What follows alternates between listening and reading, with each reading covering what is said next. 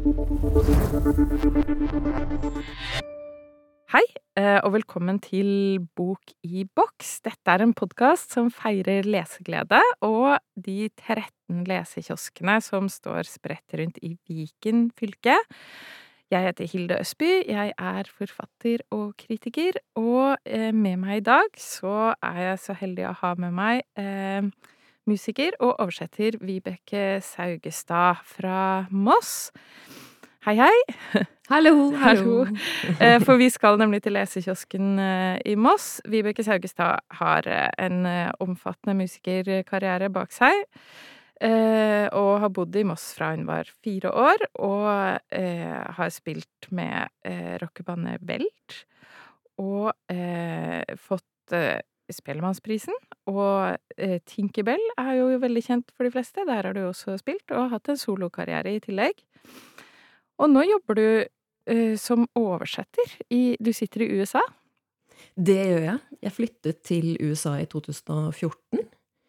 Uh, det er denne kjærleiken, da, vet du, som, uh, som kan flytte mossinger. det er ikke så verst. Nei, det, det, det, er nok de som Jeg skulle jo liksom aldri ut av Moss, jeg. men jeg flyttet jo først til Oslo. Og så da videre til, til, USA. Jeg hadde ikke trodd det selv heller, men jeg trives, trives, veldig godt. Ja, og nå jobber du som oversetter, fordi i tillegg til musikk. I, musikk, I, tillegg til musikken så uh, må du jo Du må vel alltid ha vært opptatt av bøker, da? Det, jeg har alltid, alltid vært opptatt av bøker. Jeg har vært en leser så lenge jeg kan huske. Husker du din første bok? Jeg husker ikke akkurat den første boka, men jeg husker da jeg var altså sånn i barneskolealder, at jeg satt på skolen og bare Altså, jeg var veldig glad i skolen, men jeg satt på skolen og gledet meg til å komme hjem og Fordi at jeg måtte fortsette å lese. Og jeg var en sånn, en sånn unge som gjerne hadde da en sånn en bunke med bøker. Jeg leste ofte flere bøker samtidig. Mm. Og en haug med epler epler fra hagen. Jeg husker meg selv liksom i en sånn stol med en sånn haug med røde sånne Ingrid Marie-epler og en bunke med bøker. Da var jeg fornøyd. Så det var jo altså Men var, jeg leste ofte bøker om og om og om igjen. Ja, det gjorde jeg også. Uh, masse Ikke sant? For jeg, de ble jo sånne gode venner som uh, man bare måtte tilbake til. Ja, eller sånne rom uh, som du skulle inn i på nytt, liksom. Ikke sant? Heidi var jeg veldig opptatt av. Ja. og Uh, pikebøker Mamma hadde jo sånn helt sånn rom full av pikebøker som hun leste da hun var liten, som jeg syntes var kjempespennende, for det var litt sånn puss, litt sånn underlig språk og veldig sånn uvante ting. Sånne med uh, kostskolemiljø og sånne ting som jeg syntes var kjempespennende. Men dette må jo kommet veldig godt med som oversetter, da, at du allerede da samlet på litt rare ord? Ja, ja, ja. Og så, og så fortsatte det jo med at jeg, begynte, at jeg begynte å lese alt som sto i hyllene hjemme hos mamma og pappa, som var litt sånn typisk norske bokklubben-hjem, liksom. Så det var liksom alt fra Hamsun til Neville Shoot og, og, krim. Altså Ira Levin husker jeg et kyss før døden som jeg syntes var kjempespennende. Jeg skjønte jo sikkert egentlig ikke halvparten, men jeg syntes det var så spennende.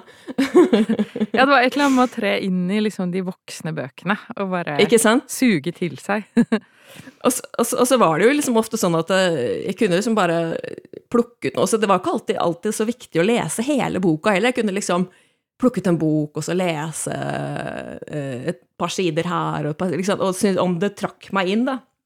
Så, så, så, var det noe som jeg, som jeg, satte meg ned med. Men, eh, men, så fikk jeg etter hvert min egen smak. ikke sant? Jeg leste, var veldig glad i, tidlig veldig glad i noveller. Husker jeg leste masse. Bjørg Vik ja. på en periode, og Isabella Gjende leste jeg masse av. Mm. Uh, og så fant jeg liksom veien til de det, det som liksom jeg alltid har vært veldig glad i, de store, tjukke tjukke bøkene, de svære historiene. Uh, med slektskrøniker og gjerne som spenner over flere kontinenter og tiår og uh, Og ofte litt sånn rare bøker. Jeg var veldig glad i Dickens. Jeg husker at jeg elsket uh, En bun for Owen Meany, oh, John ja. Irving. den og så jeg det var så fascinerende også at han skrev liksom med store bokstaver når Owen Meany snakker. Ja, for han har sånn skrikete stemme. Så. Han har sånn skrikete stemme, og det syns jeg var så genialt. Ja, den boka er helt fantastisk. Eh, helt fantastisk, den boka. Jeg har lest fire ganger, tror jeg. Jeg har faktisk ikke lest den siden, eh, så den har jeg tenkt at den må jeg ta fram igjen. Altså det er liksom sånn, Man har jo egentlig ikke tid til å lese bøker om igjen, men, men jeg er jo, det ligger litt i min natur, da, så jeg tror jeg skal plukke fram den igjen og se om jeg får den der leseropplevelsen fra den gang. Ja, men hva tror du er Hva er det som trigger deg mest med en bok? Hva er det som gjør at du ikke legger den fra deg, da? Har du tenkt på det? Altså, jeg, jeg, er jo faktisk en sånn som legger fra meg bøker. Noen leser jo, altså Hvis de først har begynt på en bok, så må de liksom sånn, sånn pliktfølelse lese den ferdig. Ja, Det er jeg veldig imot, altså. Det er jeg kjempeimot. Det må folk slutte å gjøre. Hvis de ikke liker boka mi, må de legge den fra seg. Helt fint. Ja, ja men ikke sant? Fordi, fordi um, jo, altså, for Hvis ikke fenger etter 50 sider, eller sånt, så, så, mm. så, gidder jeg ikke mer. Altså, Det kan være mange ting. Altså, uh, som sagt så, så liker jeg jeg liker ting som er litt sånn smått surrealistisk altså, litt, altså jeg, er ikke, jeg, er ikke, noe glad i fantasy, det er av en eller annen grunn. Men jeg er glad i fantasifulle bøker. ja. Litt magisk realisme, da, snakker vi. Ikke sant? Ja, ja. det er det vi snakker. Og så, og så tenk, har jeg tenkt litt på det, og det er litt interessant, for du har jo skrevet en bok om kreativitet, uh, har, jeg, har, jeg, sett. Ja. Og så tenker jeg litt på det, fordi jeg tror det er nettopp det at jeg, jeg er en kreativ person. Ser meg selv som en kreativ person. Mm -hmm. Men jeg har ikke sånn kjempegod fantasi.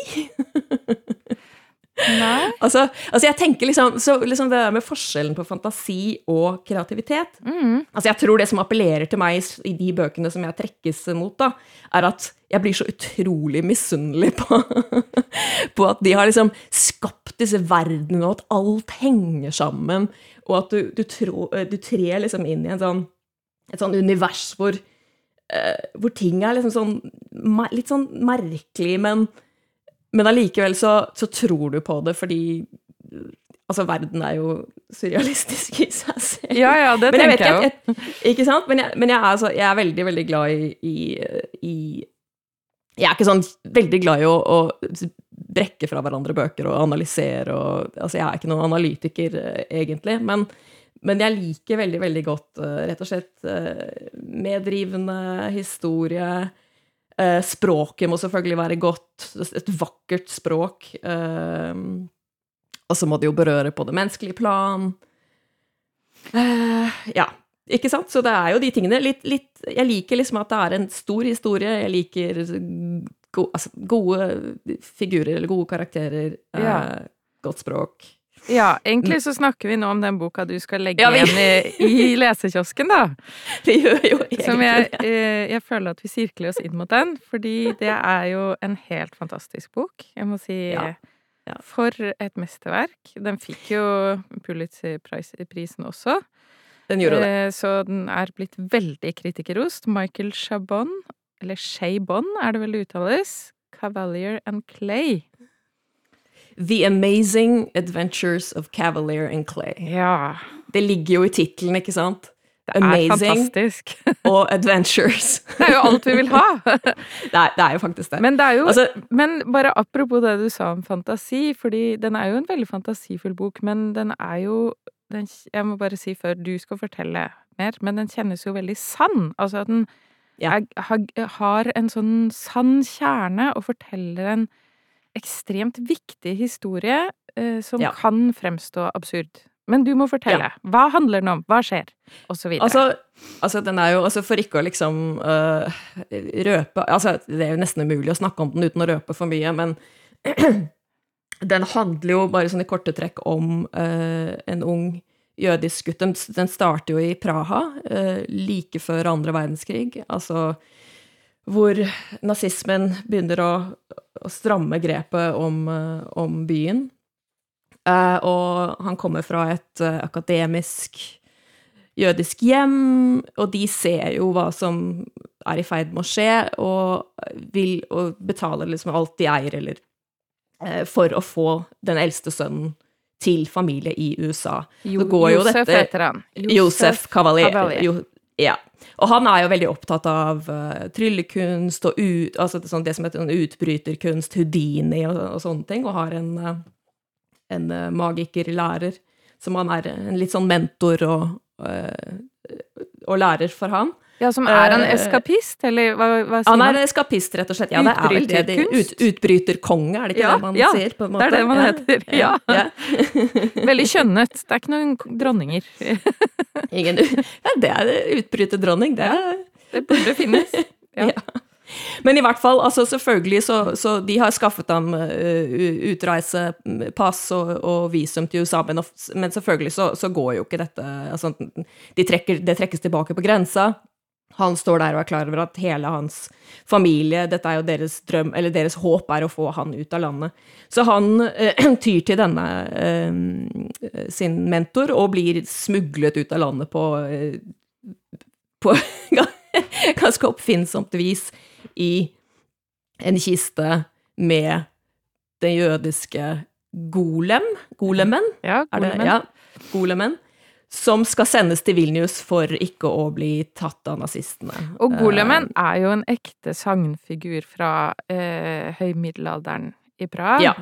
Og var, altså ble, han var laget av leire, og det er derfor jeg, um, fikk, jeg følte jeg fikk et spor til hva boka egentlig, hva som er temaet i boka. For den andre karakteren heter eh, Clay. Sam, Sam Clay, altså Ja. leire, han òg. Men eh, golemen ble levende for å beskytte jødene i gettoen i Praha eh, under jødeforfølgelsene Mm. i middelalderen, og derfor så er jo denne figuren veldig symbolsk av den grunn, bare knytta til jødisk historie, men det er jo også Også han er en slags eskapist, eller han kommer ut av kisten sin, forvandler seg til noe større, Mm. en helt, og så Han er jo en, su en superhelt, på en måte, ikke Mm. sant? Som jo også denne boka handler om, superhelter. Ja, fordi Eh, Hva skjer? skjer? Litt, litt, jo, fordi altså, han kommer seg jo til slutt til USA til, og treffer denne Sam Clay, som er hans fetter, da. Og han har jo en drøm om å, å skape seg en karriere som tegneserieskaper. Tegneserien er jo et helt gryende nytt medium i uh, USA, og han uh, drømmer om det, men han er ikke en kjempegod tegner, rett og slett. Eh, men det viser seg at det er jo Joe. Um, han er en, eh, en kunstner, han har gått på kunstakademi i Praha. Og så treffes disse to, eh, og Sam får en eh, Altså en idé om at de kan gjøre det stort sammen, for han er jo en ideenes mann. Han eh, tenker opp alle disse scenarioene, alle disse navnene. Og så Eh, for å gjøre historien litt kort, da, så, så slår jo de seg opp eh, i, eh, i denne tegneserieverdenen og blir eh, Får en viss suksess, men eh, ikke uten skuffelser, selvfølgelig. sånn Og- er det jo alltid. Men de, denne historien er basert på en ekte historie, som er eh, skapelsen av den ekte Supermann-karakteren, så vidt jeg Mm. skjønner. Altså, det var mer eller mindre sånn den karakteren ble til. Ja. Eh, To jødiske menn i New York som eh, satte seg ned og lagde en mann som bry... Liksom Som, Som skifter, skifter karakter i telefonkiosker fra vanlig mann. Bryter ut og er verdens sterkeste. Ikke sant? Altså, hele, hele boka handler på Altså, hele boka handler på en måte om uh, ut, altså, br å bryte ut av noe. Ja. Uh, både både både bokstavelig og, og, og billedlig, eh, Ja. kan man jo si. Og det, og det handler jo også om eh, en både virkelig flukt og virkelighetsflukt, som jo disse, disse tegneseriene også eh, representerer. Mm. Um, men de, de får jo da eh, Altså, det er jo også en, et, et, et veldig sånn vakkert tidsbilde av, eh, av New York og Brooklyn rett før og, og under og etter andre verdenskrig. um, hvor det er et sånn slags Hva skal jeg si? Altså, det er jo en altså, Selv om verden på en måte holder på å ikke, ikke gå under, men det er jo en, en, en uh, Det er jo et håp i den boka her, altså, som jeg syns er så vakkert, og særlig i Altså, det er jo en bok om den amerikanske drømmen på veldig mange Mm. måter. Mm. Og om frigjøring og om frihet. Mm. Og om, om forandring, da. Og at em, særlig Sam, da, som det kan jeg vel røpe, som blir forelska i en mann. Ja. Han trenger jo å forvandle seg, han òg. Eller kom, bryte ut av det skallet han befinner seg og Mm. bli fri, da. Til å forfølge den kjærligheten. Og, og så er han eh, Sam også er jo han, han, er, han hadde polio som barn, Mm. så han er jo også litt Han drømmer jo også om å bryte ut av Av sin egen, hva skal jeg si eh, Sine egne Det som holder han tilbake, på en måte. Altså, Ja. han har alltid vært litt sånn liten og forsagt, og, og, og men, men som tegneserieskaper så kan han jo Ja. så kan han jo liksom skape altså, Og den, den tegneserien som blir deres, eh, deres Supermann, da, på en måte, det kalles det Escapist. Mm. Han er jo egentlig Han går jo til vanlig med krykke, uh, og er jo på en måte en Sam Clay, men som da bryter ut av det og, og blir en som eh, skal redde og frigjøre verden, da. Den store frigjøreren. Ja. Og, og det er jo også Joe, for å snakke om Joe, eh, fetteren hans, da, Joe Cavalier, han, han Hele hans misjon når han er i USA Altså, han, han vil jo bare redde familien sin. Han vil jo bare Mm. få familien uh, fra Praha. Uh, og han, han vil ikke more seg. Han, altså, han har jo en sånn Han trenger liksom å bryte ut av sin pliktfølelse, på en måte, da. Altså, Mm. eller, og, og han, gjennom denne uh, escapist, så er Han slåss jo mot nazistene, det er jo hans, hans uh, For Escapist er uh, tegneseriefiguren deres. Ja. Som de får stor suksess med, men som eh, selvfølgelig de ikke tjener de pengene på som de skulle ha. Det var vel ikke så uvanlig, det, i tegneserienes Nei. barndom, at eh, folk ble ordentlig lurt, tror jeg. Ordentlig lurt. Ja, nei, fordi de, de, de kommer jo inn på dette kontoret til, eh, til, en, til han som da blir deres sjef, og, og, og, de, med en gang der han de, de ser jo 100 dollar eller 200 dollar er jo store penger for dem, ikke sant? Mm. Og, og det å, å faktisk få det de har drømt opp på trykk, uh, er jo stort. Så det, det, er, det, er litt, det er litt sånn vanskelig å snakke om boken fordi den rommer så innmari mye. Ja, det er en så stor, bred historie. Det er både sånne elementer av magi og det liksom fantastiske ved den amerikanske drømmen. Det, er- det spenner så bredt fra høykultur til lavkultur, ikke sant. Liksom Ja. Europa, eller verdenskrigen og nazistene til eh, underholdning og eh, Men, men det du Ja, ikke sant? Og, og, men det du sa da om at den eh, om, at, om at den virker så, så sann, på en måte. Altså, den er jo Det er jo helt sånn fantastiske ting som skjer. Altså, vi kan ikke fortelle om alt, men det, man må jo lese selv. Men det er litt sånn at, at de beste løgner på en måte har et element av sannhet i seg. mm. Og, og sånn er det jo her også. Han, han blander jo inn kjente personer, ikke sant. Altså, her Salvador liksom- Dali som Salvador holder på å dø under en fest, for han er i en dykkerdrakt. Ikke sant? Men det, det, det, altså, han hadde jo en sånn dykkedrakt på seg på en utstilling i London, ikke sant? Ja. Men, men jeg, jeg tror ikke han holdt på å, å, å, å kveles, men, men, men det gjør han jo da her, ikke sant? Og så er det jo også Orson Wells som han, han tar inn og forteller historier uh, Mm.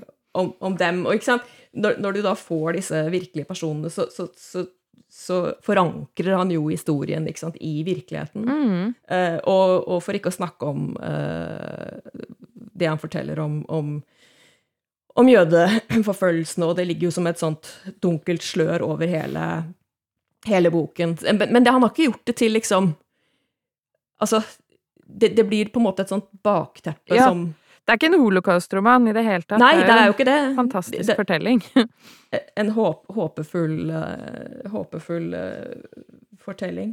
Ja. Uh, selv om det er fæle ting som skjer, da. Det er litt sånn som livet, ikke sant. Det- Det bygger seg opp og bygger seg opp, og det er sånn golden age, og, og det er suksess, og, og det går bra. Og så tenker jeg liksom sånn, sånn som da, alt går, Hvis alt går bra, ikke sant, så tenker man jo alltid sånn åh, hva, hva skal skje nå? Nå, nå, blir, jeg, nå blir jeg sikkert sjuk, ikke sant. Eller altså Det er jo sånn, og, så, og, så, sånn, og sånn er det jo i sidene her også. Det, det bygger Ja. seg opp og bygger seg opp, og så tenker man det, det kan jo ikke Det kan jo ikke bare gå Det går ikke bare bra.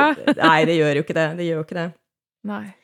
Men um, hva var det jeg skulle si um, Jeg kan ta et sitat mens du tenker Ja. på hva du skulle si. Fordi jeg, jeg føler det sier noe om hele boka. Når eh, Joe eh, eh, går i lære hos Kornblum i Mhm. Praha for å lære seg å bli eskapist, Ja. så sier Så tenker Kornblum for seg selv Han tenker He didn't tell them what he now privately believed, that Joseph was one of those unfortunate boys who became escape artists not to prove the super superior machinery of their bodies against outlandish contrivances and the laws of physics, but for dangerously metaphorical reasons. Such men feel imprisoned by invisible chains, walled in, soon up in layers of batting. Så det handler jo På den måten føler jeg at eh, Chabon sier at denne boka handler om alt som holder det tilbake. Det er ikke Mm. egentlig de fysiske lenkene det handler om. Og så sier Kornblom Never worry about what you're escaping from, he said. ja. Reserve your anxieties for what you're e- escaping to. For hva kommer etter forvandlingen? Det er jo egentlig det boka handler om, føler jeg. Mm, mm. At han setter liksom Der setter han tonen. Ja, altså Og så- og så er det jo også eh, et sitat som jeg tenkte på, som også er om dette, dette med den med, med virkelighetsflukten, da, og det er også en slags escapism, på en måte, det, hvor han snakker om dette tegneseriemediumet som eh, Som eh, også boka, boka handler om. Det er jo blitt et veldig sånt Og det tror jeg Chabon har et, et litt sånn en, en misjon, at han vil det har jo blitt et litt sånn utskjelt medium, på en måte. Altså, både, både den gangen og, og siden, at det er liksom ikke Det er liksom ikke ekte kunst. Nei, ikke sant? Og, og Joe også i løpet av boka er jo veldig opptatt av Han utvikler jo sin strek. Han bryter ut av, bokstavelig talt, ut av de, de små rutene som liksom Før så var det alltid ni ruter på et ark, og han er liksom den, da den som, som bryter ut av det og, og gjør design annerledes, eh, og gjør det mer som kunst, da. Mm. Um, og, eh, og som Chabon sier, at, at selve det å uh, Eller altså, i, som Joe, da, sier han uh, i boka her um, Skal vi se, hvor står det Ja, det, jeg vet ikke om vi har tid. Det er liksom en, en halv side, men, uh, men det er liksom så vakkert. Så det er litt om det, akkurat det boka handler om. Få høre. Yeah, okay. Having lost his mother, father, brother, and grandfather, the friends and foes of his youth, his beloved teacher, Bernard Kornblum, his city, his history, his home, the usual, usual charge leveled against comic books, that they offered merely an escape from reality, seemed to Joe actually to be a powerful argument on their behalf. He had escaped, in his life, from ropes, chains, boxes, bags, and crates, from handcuffs and shackles, from countries and regiments, from the arms of a woman who loved him, from crashed airplanes and an opiate addiction, and from an entire frozen continent intent on causing his death. The escape from reality was, he felt, especially right after the war, a worthy challenge. He would remember for the rest of his life a peaceful half hour spent reading a copy of Betty and Veronica that he had found in a service station restroom, lying down with it under a fir tree in a, sur- in a sun slanting forest outside Medford, Oregon, wholly absorbed into that primary colored world of bad gags, heavy ink lines, Shakespearean farce, and the deep, almost oriental mystery of the two big toothed, wasp waisted uh, goddess girls, light and dark, entangled forever in the enmity of their friendship. The pain of his loss, though he would never have spoken of it in these terms, was always with him in those days, a cold, smooth ball lodged in his chest, just behind his sternum. For that half hour spent in the dappled shade of the Douglas firs, reading Betty and Veronica, the icy ball had melted away without him even noticing. That was magic. Not the apparent magic of the silk hatted card palmer or the bold brute trickery of the escape artist, but the genuine magic of art. Å, det var fint. Det var jo virkelig et sterkt forsvar for, eh, for at vi kan få lov til å glemme oss selv i historier, og i Jeg elsker tegneserier så mye. Jeg, jeg syns jo forsiden på boka, den eh, pocketutgaven jeg har, ligner jo veldig på Chris Ware eh, sin Nå står det helt stille for meg. Du vet eh, Chris Ware sin, sin prisvinnende tegneserie om en ung gutt som drømmer seg til å være en superhelt. Skal vi se um, Jeg, jeg, jeg kjenner, ikke, jeg kjenner ikke han, altså. Å ja, den er kåret her- flere ganger til uh, um, verdens beste tegneserie. Ja, dette må jeg skrive ned. Uh, skal vi se uh, i, i, i, i, eh, Ja, nå Men står det helt stille for meg. Ja, vi går videre. Men det? Altså, altså, det som jeg syns er så fascinerende med, med den boka her, da, og, og er jo det er et sånt overflødighetshorn ikke sant, som bare gir og gir. Men det Mm. er liksom historie inni historie inni historie. Mm. Så det er på en måte en slags Pandoras eske av fortellinger, da. Og, Ja. til, og også disse tegneseriene som, som forteller sine historier.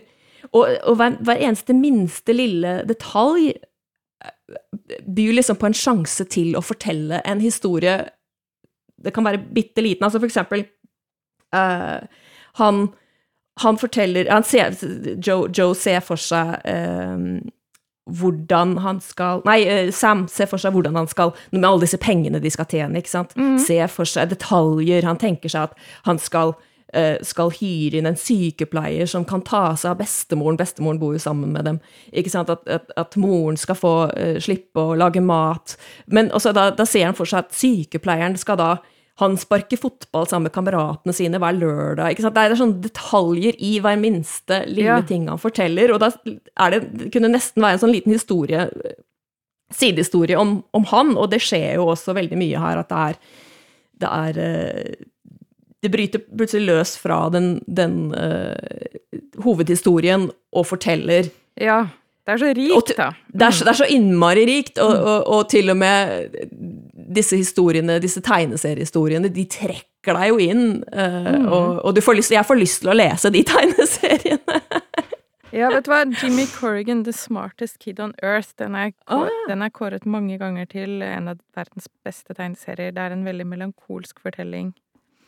Men den kom ut ca. samtidig som Cavalier og Clay, Clay. Den kom i 2001, og Cavalier and Clay kom i 2000. Mm. Så de Jeg føler at de nikker til hverandre. At uh, muligens uh, At Chris Ware nikker litt til uh, Michael Chabon med den tegneserien. Ja, for den kommer rett etterpå. Ja. Nettopp. Mm. Ja, den skal jeg lese. For den er også en sånn hyllest til ja, drømmens makt, da, og hvor viktig Mm. det er å eh, Ja, for å unnslippe verdens smerte, da.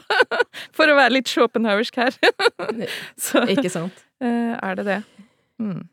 Det var fint. Vi kan jo ikke fortelle alt om boka, fordi Nei, altså vi kan jo ikke det. Det, det, er, det er det som er så vanskelig med, med som, bø, bøker som, eh, som rommer så voldsomt mye. For det er liksom litt sånn Når man begynner å fortelle, så liksom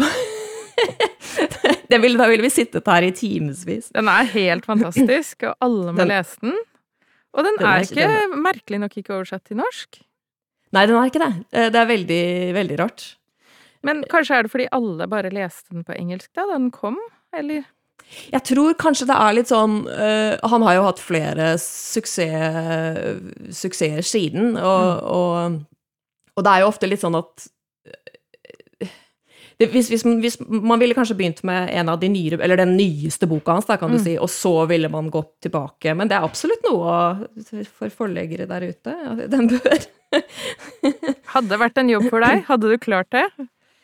jeg, det skulle jeg ha Det skulle jeg absolutt uh, ha gjort. jeg Det hadde jo vært sånn fantastisk. Jeg har jo litt sånn oversettertenkehetta på når jeg leser det. Det er jo ikke til å unngå når man jobber som oversetter. Ja. Uh, og det er jo, her er det mye å bryne seg på, altså. Men Ja. uh, En stor jobb, ja, men gøy. utrolig, utrolig morsomt. Mm. Utrolig gøy. Utrolig gøy. Men språket hans, da, ikke sant, det er jo så, det er så poetisk og vakkert. Altså, Mm. bare det lille utdraget jeg, jeg blir liksom man, man, blir nesten litt sånn matt. Det, det er så fint. Ja, jeg blir veldig misunnelig, kjenner jeg. Jeg vil skrive sånn. Men det sies jo da at han Eller jeg hørte på et intervju som han, Michael Chabon holdt uh, rett etter utgivelsen av denne, og han, mm. han hadde jo et par ganske uh, populære bøker som var veldig nær hans uh, eget liv, da. Ja. The, Boys, The Boys of Pittsburgh. Ja. Eller the. Ja, de to første bøkene hans. Og så tror jeg han skrev en bok på liksom 2000 sider eller noe sånt, som han bare forkastet. Oi. Uh, ja. og så skrev han denne. oh my god. Ja, tenk hvor bra den var, da. Jeg tenker at ting han, han, kaster, må jo være andre folks beste, på en måte. Mm. Men uh, altså, det er jo Altså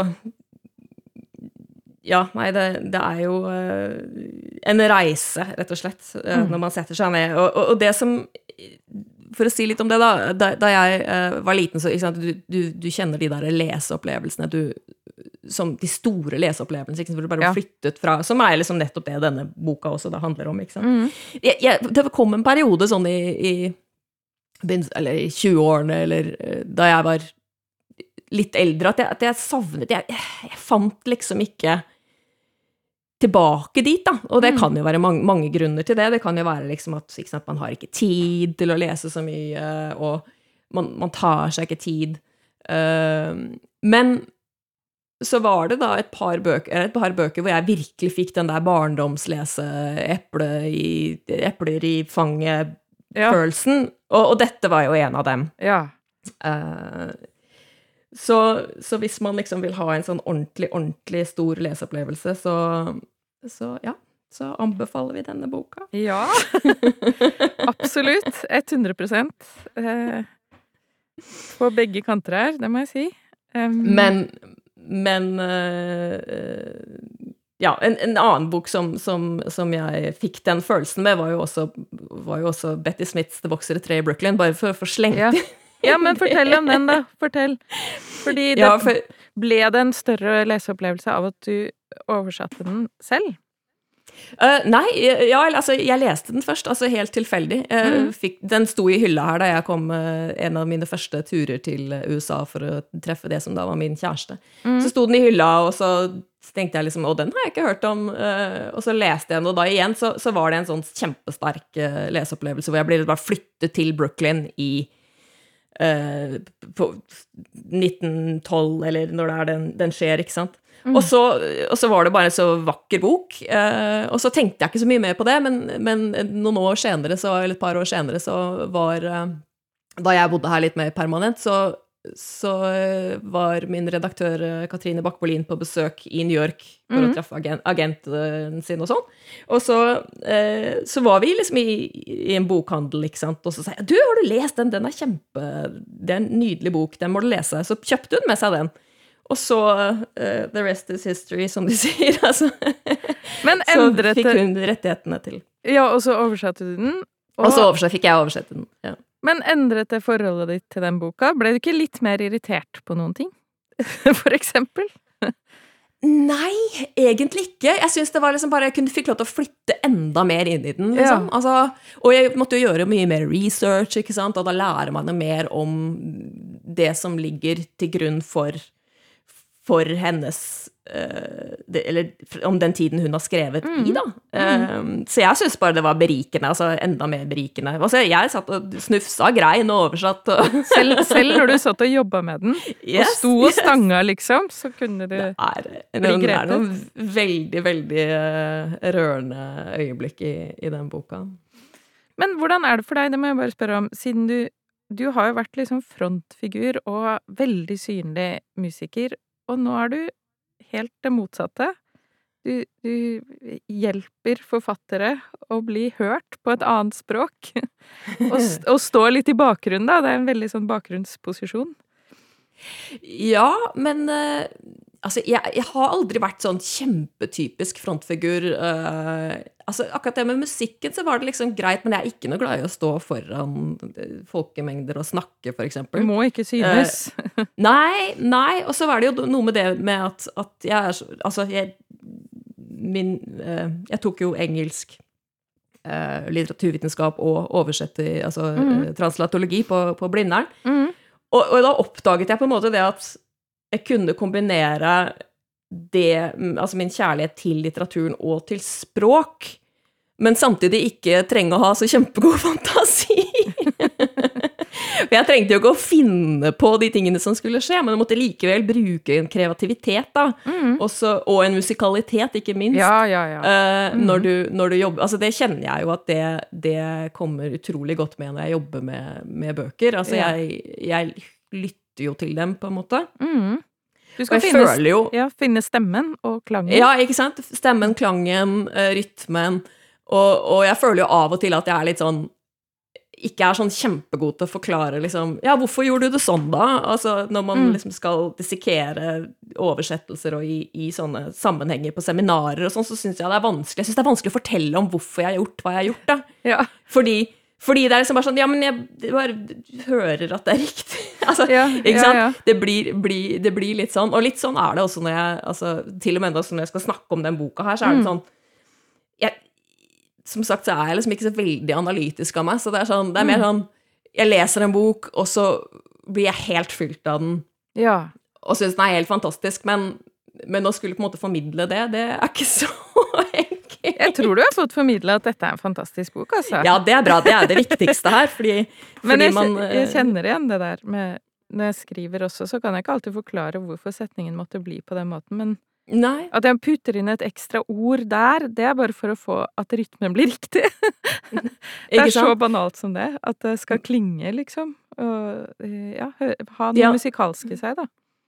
Ikke sant? Og så er det jo noe med det at når, man, når man leser f.eks. En, en, en setning på engelsk som Ja, ikke sant, som har Altså, du leser den høyt, og så er det så vakkert, og da skal du jo få den samme følelsen når du leser det på norsk, ikke sant? Jeg leser alt jeg oversetter høyt eh, Ja. til slutt. Det tror jeg nok mange oversettere gjør. eh, fordi du hører ting på en helt, helt annen måte. Mm. Og jeg, jeg jobber også på papir, altså at jeg sitter og Mm. sitter og noterer og kruseduller i, i, eh, i manus. Mm. Mm, mm.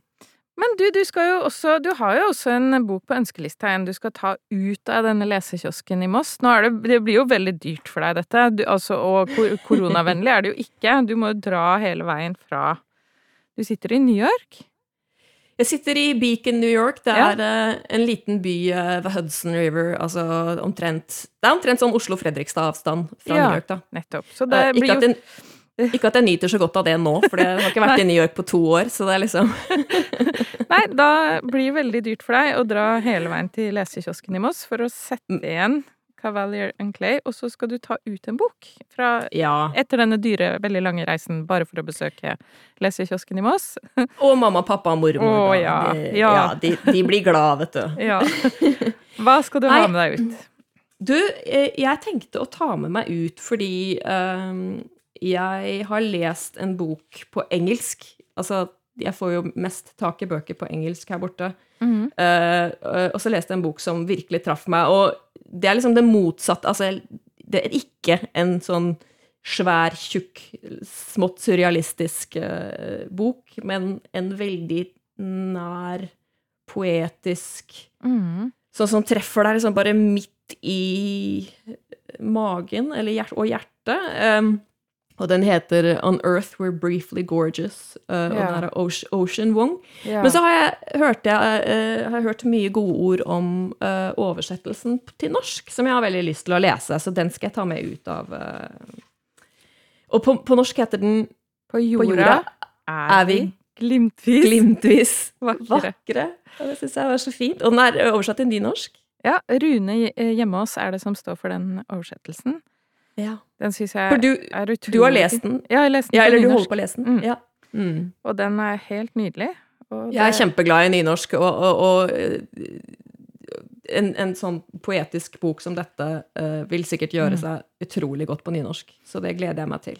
Ja, den er så sår beskrivelse av um, utenforskap, oppfatter jeg. Ja, det er jo Og så er det det der med at det hele boka er et, et, et på en måte et, et brev til Altså, dette er jo en, uh, en uh, altså Nå er det en stund siden jeg leste den engelske, men han er Viet, Viet, fra Vietnam, er han ikke det? Jo, oppri eh, altså ja, moren, opprinnelig.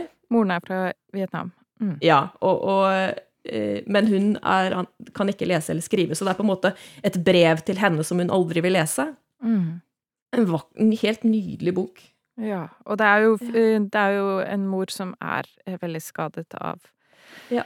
opplevelsen av krig i hjemlandet, eh, og han Og deres liksom utenforskap, da, som Mm. eh, Han tar på seg rollen eh, med å være hennes tolk Mm. til en verden hun ikke forstår, da, i USA, og det, det, den er bare veldig vakker, tenker jeg.